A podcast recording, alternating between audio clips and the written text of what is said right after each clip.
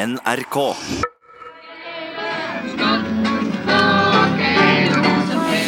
Han ble en sånn slags guru i antipsykiatrien i, i Danmark.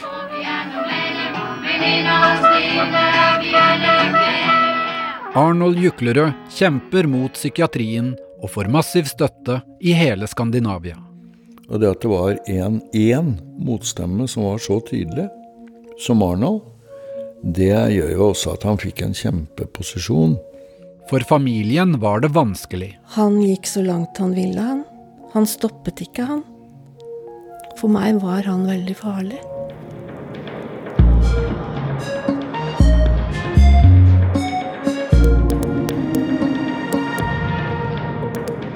Du hører på tredje og siste del av dokumentaren 'Diagnose kverulant' av Kaja Frøysa.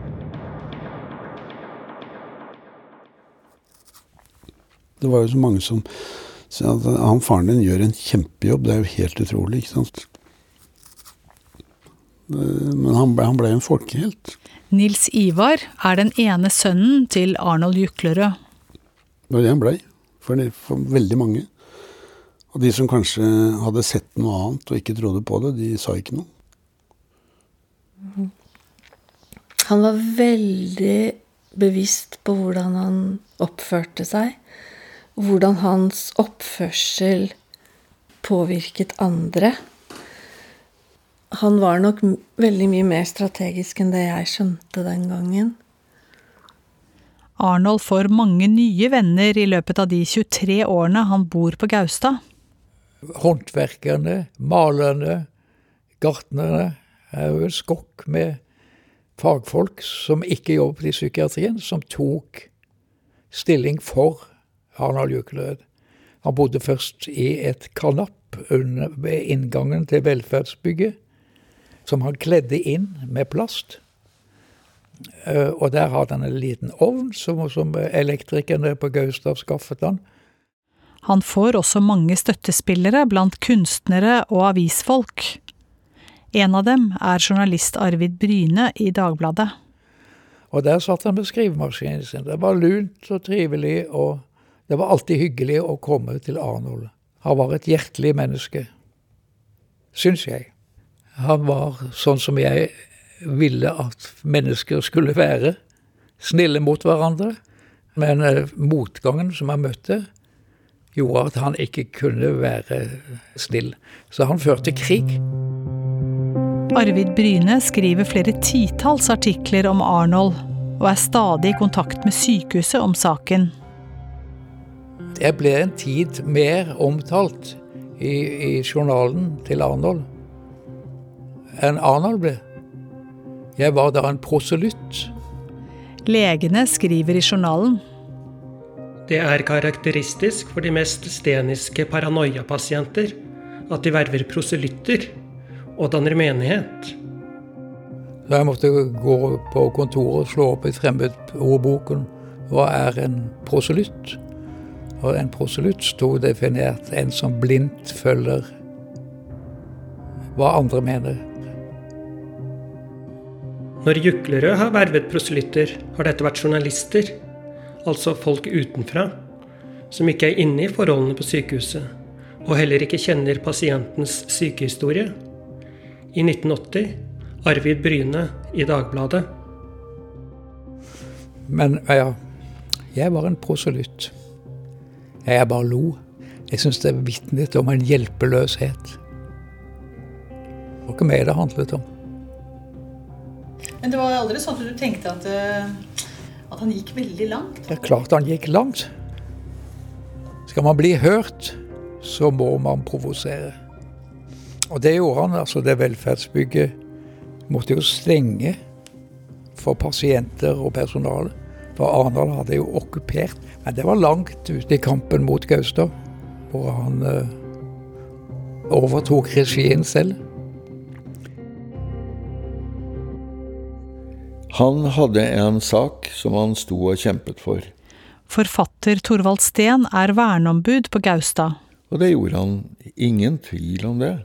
Og noen eh, på sykehuset, de turte jo ikke å snakke med ham. Fordi de var redd for at noen så at de snakket med ham.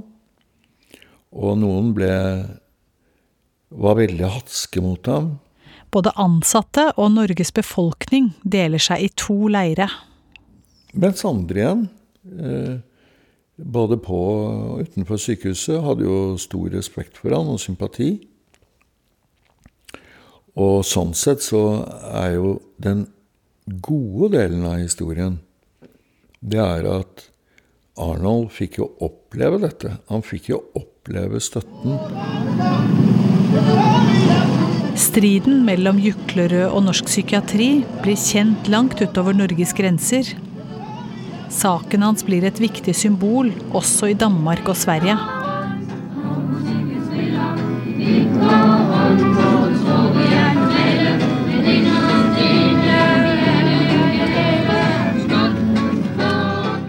Overlege Steinar Lorentzen. Han ble en sånn slags guru i antipsykiatrien i, i Danmark.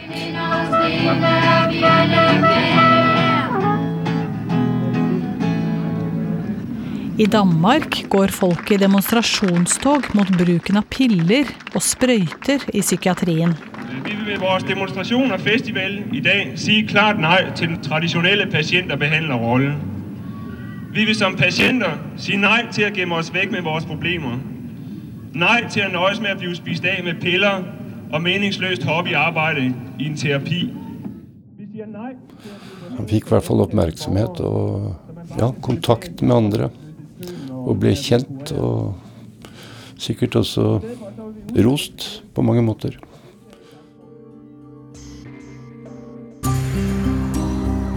Det ringte en dag en svensk dame på rikstelefonen fra Sverige som hadde lest om Juklerød og ville hilse på ham og ønske ham hell og lykke i kampen.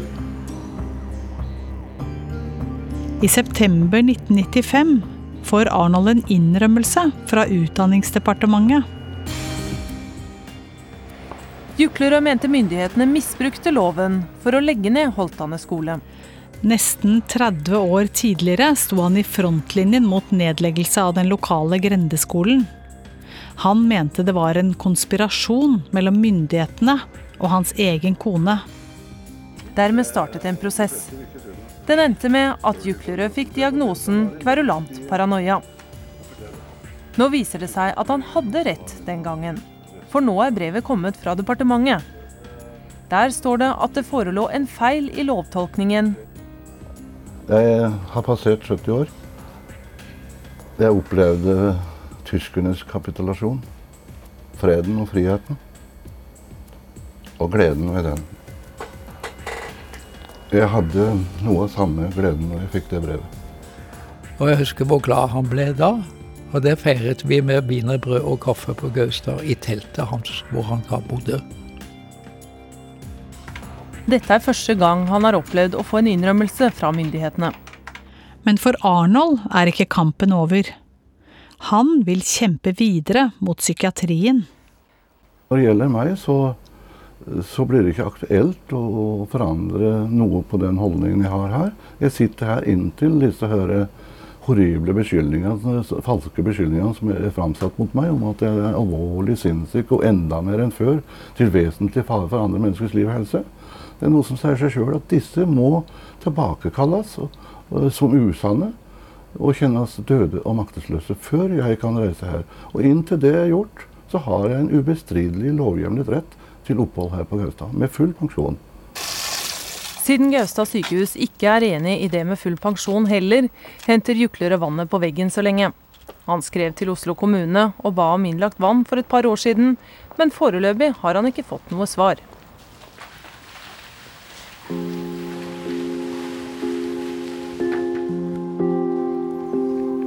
Og så ble jeg oppringt fra Aker sykehus, hvor han var innlagt fordi han hadde fått veldig stort hjerteinfarkt. Eva har ikke besøkt faren siden han ett år tidligere presset henne til å velge side i den gamle konflikten mellom foreldrene. Og så hadde han egentlig ikke oppgitt mm, meg eller brødrene mine som pårørende. Hadde oppgitt noen venner som pårørende. Men de ringte allikevel meg og spurte om jeg ville komme og besøke han. Og da ble jeg veldig i tvil. Fordi jeg øh, tenkte at øh, hvis han skal dø, så skal jeg dra opp si ha det. Men hvis han kommer til å leve videre, så orker jeg ikke. For jeg kan, orker ikke mer av disse rundene her nå. Så jeg prøvde nærmest å tvinge hun på telefonen til å si sant, hvor stort er dette hjerteinfarktet, og hvor, hvor, mange prosent sjanse er det for at han kommer til å overleve. Og så sa hun ja, men det er et veldig stort hjerteinfarkt. Så det er ikke så stor sannsynlighet for at han kommer til å klare seg. Ja, Så kjøpte jeg verdens største blomsterbukett. Og så dro jeg opp. Da ligger han der i senga. Han var jo helt slått ut. Helt fysisk slått ut. Og så husker jeg han sa Åh, nei, de vil, de vil gi meg morfin, men jeg vet ikke, det, det er ikke bra, det er ikke bra. Jeg vil jo ikke ta noen ting. Og da spurte han meg hva syns du? Fra første gangen. Og da sa jeg ta det de tilbyr deg. Det, det gjør deg sikkert bra. Satt over ved siden av senga, det han klarer å gjøre, det er at han klarer å reise overkroppen langt nok opp i sengen til at han klarer å legge armene rundt meg og gi meg en klem.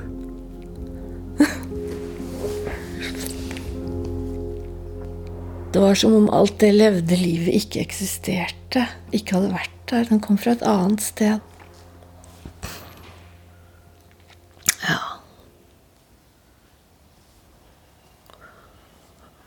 Ja, det var den klemmen. Nei, så kom broren min etter hvert.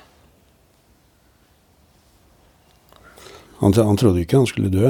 Han trodde ikke på det sjøl. Han trodde bare at det var noe influensa eller noe virus eller sånt. Men jeg snakka jo med legen, og han sa jo at eh, veldig mye avhenger om man lever gjennom natta.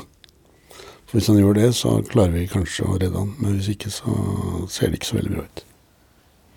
Eva og Nils Ivar sitter sammen med faren sin hele den natten.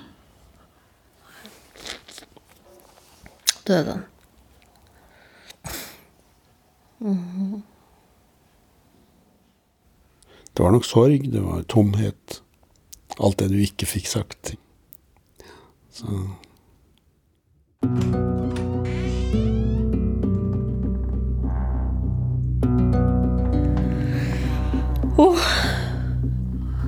Broren min og meg.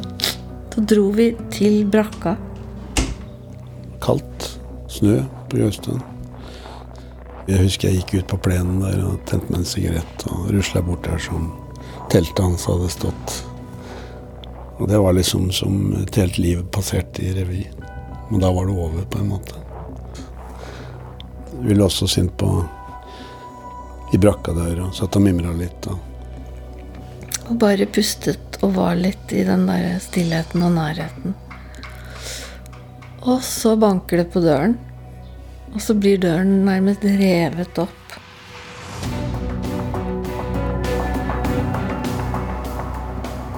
Av eh, de vennene som han hadde, hadde oppgitt som nærmeste pårørende, da. Jeg har vært våken hele natta ikke sant? og var sliten. og og så var det et av disse menneskene som kom inn da, og så roper en uh, Sier 'ikke rør noe'! Ikke rør noen ting! Så sier jeg Vær så vennlig å gå ut, vi sitter her og vi har mista vår far. Ja, men dere må ikke ta noe. Så sier jeg nå må du gå, nå må du gå. Ellers kommer jeg og så tar deg ut. Så det fikk oss jo helt ut av den, den tilstanden vi var i, og tilbake eh, til en sånn tilstand som Som jeg hadde gått med så lenge med han. Dette med for eller mot. Eh. Jeg brukte ganske mye tid etterpå stagge eh, folk som trodde de skulle føre saken videre. Og selv om ikke alle var religiøse, så var det på en måte en del sånn religiøs eh, klima i hele opplegget. For at eh, Jesus var død. Ja, Disiplene var igjen alene.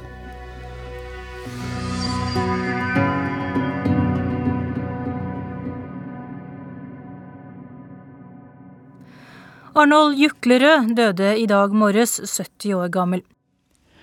Etter alle disse årene med konflikt heiser Gaustad psykiatriske sykehus flagget på halv stang denne dagen.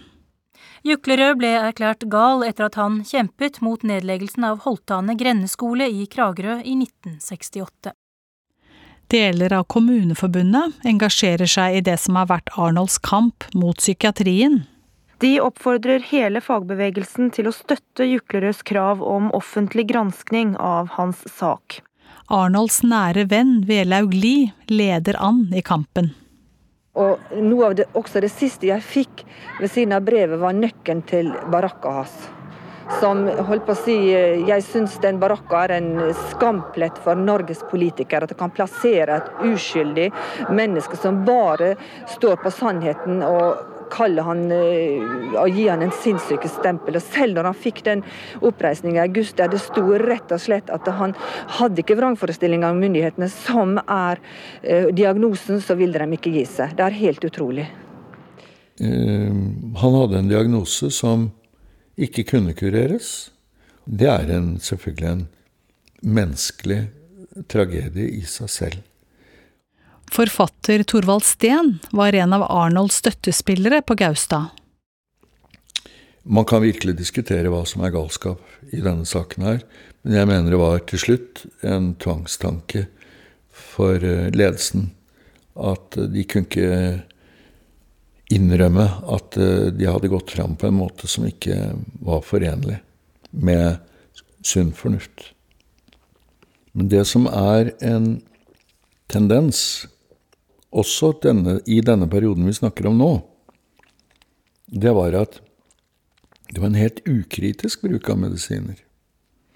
Og det at det var én motstemme som var så tydelig som Arnold, det gjør jo også at han fikk en kjempeposisjon i de miljøene som var skeptisk til bruk av medisiner. Man må se på sånne ting som galebevegelsen i Danmark, som var veldig viktig i psykiatrien i Danmark.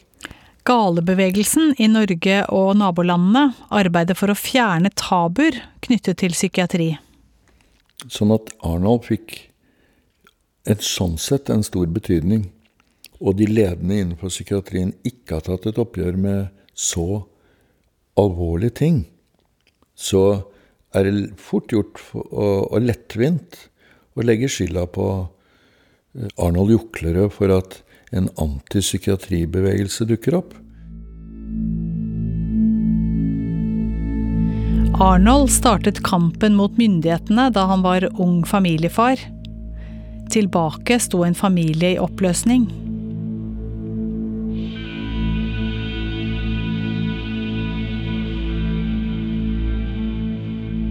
Jeg hadde fått den forbannelsen kastet etter meg. Når faren dør, tenker Eva på det han hadde sagt om hva som ville skje hvis hun ikke tok hans side. At da ville det gå galt med henne og familien hennes. Selv om jeg rasjonelt sett skjønte at det ikke var sånn, så hadde det allikevel sneket seg inn en liten følelse av at kanskje jeg ikke er god nok? Kanskje jeg ikke er god nok mamma?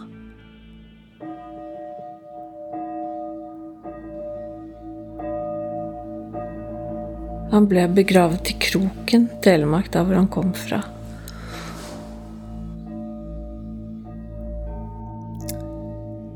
Vi hadde hørt at det skulle komme en buss med mennesker, med venner,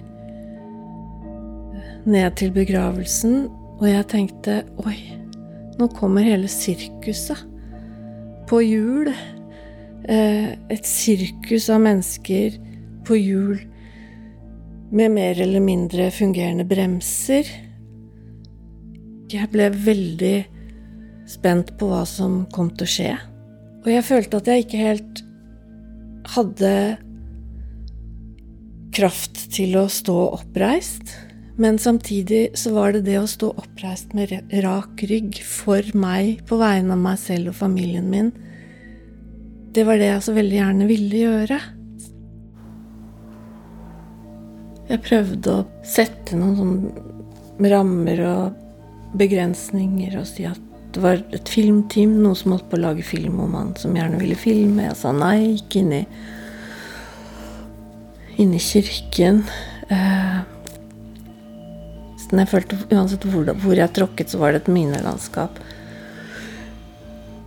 Det var så mange mennesker som så på meg som fienden.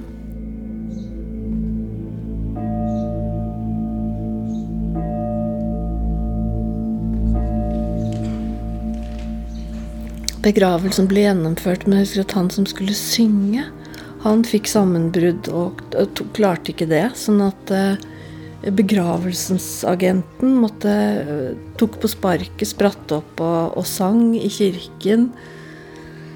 Eh, ja. Så det som ble redningsplanken min, det som gjorde det mulig at jeg klarte å stå der, det var det diktet av Haldis Moren Vesaas som heter 'Ord over grind'. Du går fram til mi innste grind, og jeg går òg fram til di. Eh, meningen i det diktet for meg var det motsatte. Innanfor den er hver av oss einsam, og det skal vi alltid bli. Sånn at mm, det å gå fram til ens innste grind og aldri trenge seg lenger frem. Det var ikke det som gjaldt mellom Arnold og meg. Han gikk så langt han ville, han. Han stoppet ikke, han. Og det var ikke noen fred på innsiden av den innste grinden. Jeg skulle veldig gjerne ønske at det hadde vært sånn, men det var jo ikke det det å på en måte være i en nær relasjon med han, det var et umulig prosjekt. Jeg sa ingenting i kirken. Jeg sa ingenting. Aldri trenge seg lenger fram var lova som gjaldt oss to. Anten vi møttes titt eller sjeldan, var møtet tillit og ro. Er det sånn at han som evnet å fremstå på en så tillitsfull måte at han kunne få mennesker, og ikke bare mennesker, men et lite ekorn, til å spise hånden sin. Og samtidig helt kalkulerende, nådeløst angripe sårbare mennesker uten uten å ha noe unntak for om de var barn, høygravide, syke. Det er for meg å være farlig. For meg var han veldig farlig.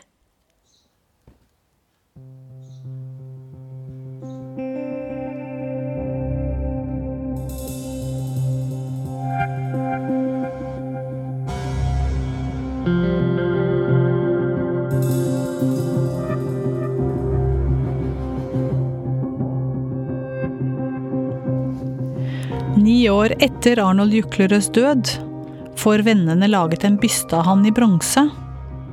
Den settes utenfor Gaustad psykiatriske sykehus. Initiativtakerne gjorde jo dette fordi at de mente at han hadde gjort en banebrytende innsats for innsyn i journalen. Det er det aller viktigste. Altså at en psykiatrisk pasient skal ha innsyn i hva som ble skrevet om en. Torvald Steen. Det er jo også nok et eksempel på åpenhet. Det er interessant at det ikke er psykiatere, men en pasient som har slåss for dette. Og det andre er selvfølgelig hans mot og stamina for å holde ut i denne sammenhengen. Så i forhold til mange, mange andre så syns jeg at en byste for Arnold Juklerud, det er, det er jaggu meg fint at vi har. Men sykehuset ønsket ikke å ha bysten på tomta, så den ble senere tatt ned og satt på et lager. Juklerøds venner tillyste jo samlinger på hans fødselsdag, må det være, 8. januar. I årene etter at Arnold døde, samler Juklerøds venner seg utenfor Gaustad. Psykiater Torbjørn Vatnaland møtte opp der et år. Og jeg gikk dit en gang for å, bare for å, å ble møtt av en sånn Jeg kjente liksom vibbene fra, fra alle sammen. Og jeg, jeg, fant det best å trekke meg rolig og stille og raskt tilbake, altså, for jeg ville ikke utsette meg for noen ting. Jeg kunne merke stemningen, altså.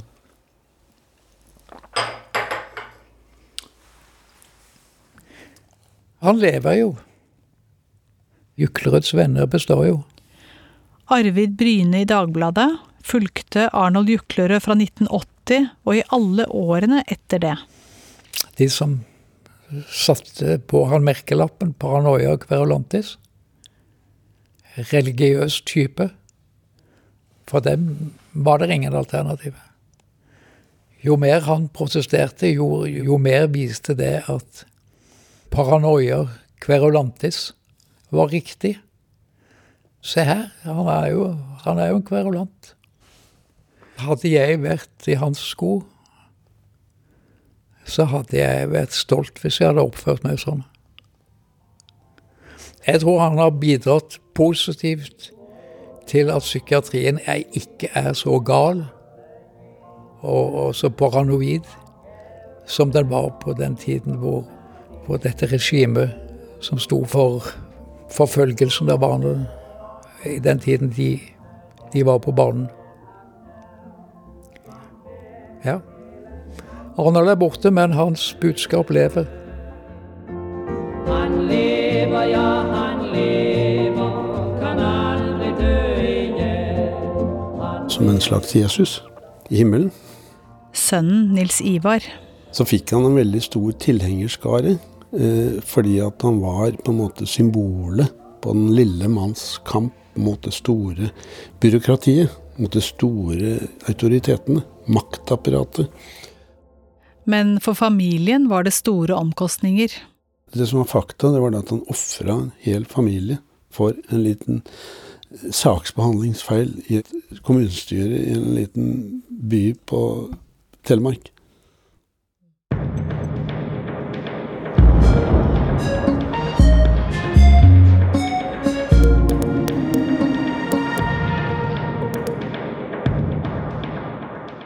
Du har hørt tredje og siste del av Diagnose kverulant, hele historien om Arnold Juklerød. Dokumentaren er laget av Kaja Frøysa. Lyddesigner Kjetil Hansen. Produsent Kjetil Saugestad. Konsulent Line Alsaker. Enkelte arkivklipp er hentet fra Danmarks Radio. Vignettmusikken er komponert av Nils Jakob Langvik. Redaktør er Siril Heierdal. Har du en tilbakemelding til oss, så svarer vi på alle e-poster sendt til radiodok krøllalfa nrk.no. NRK.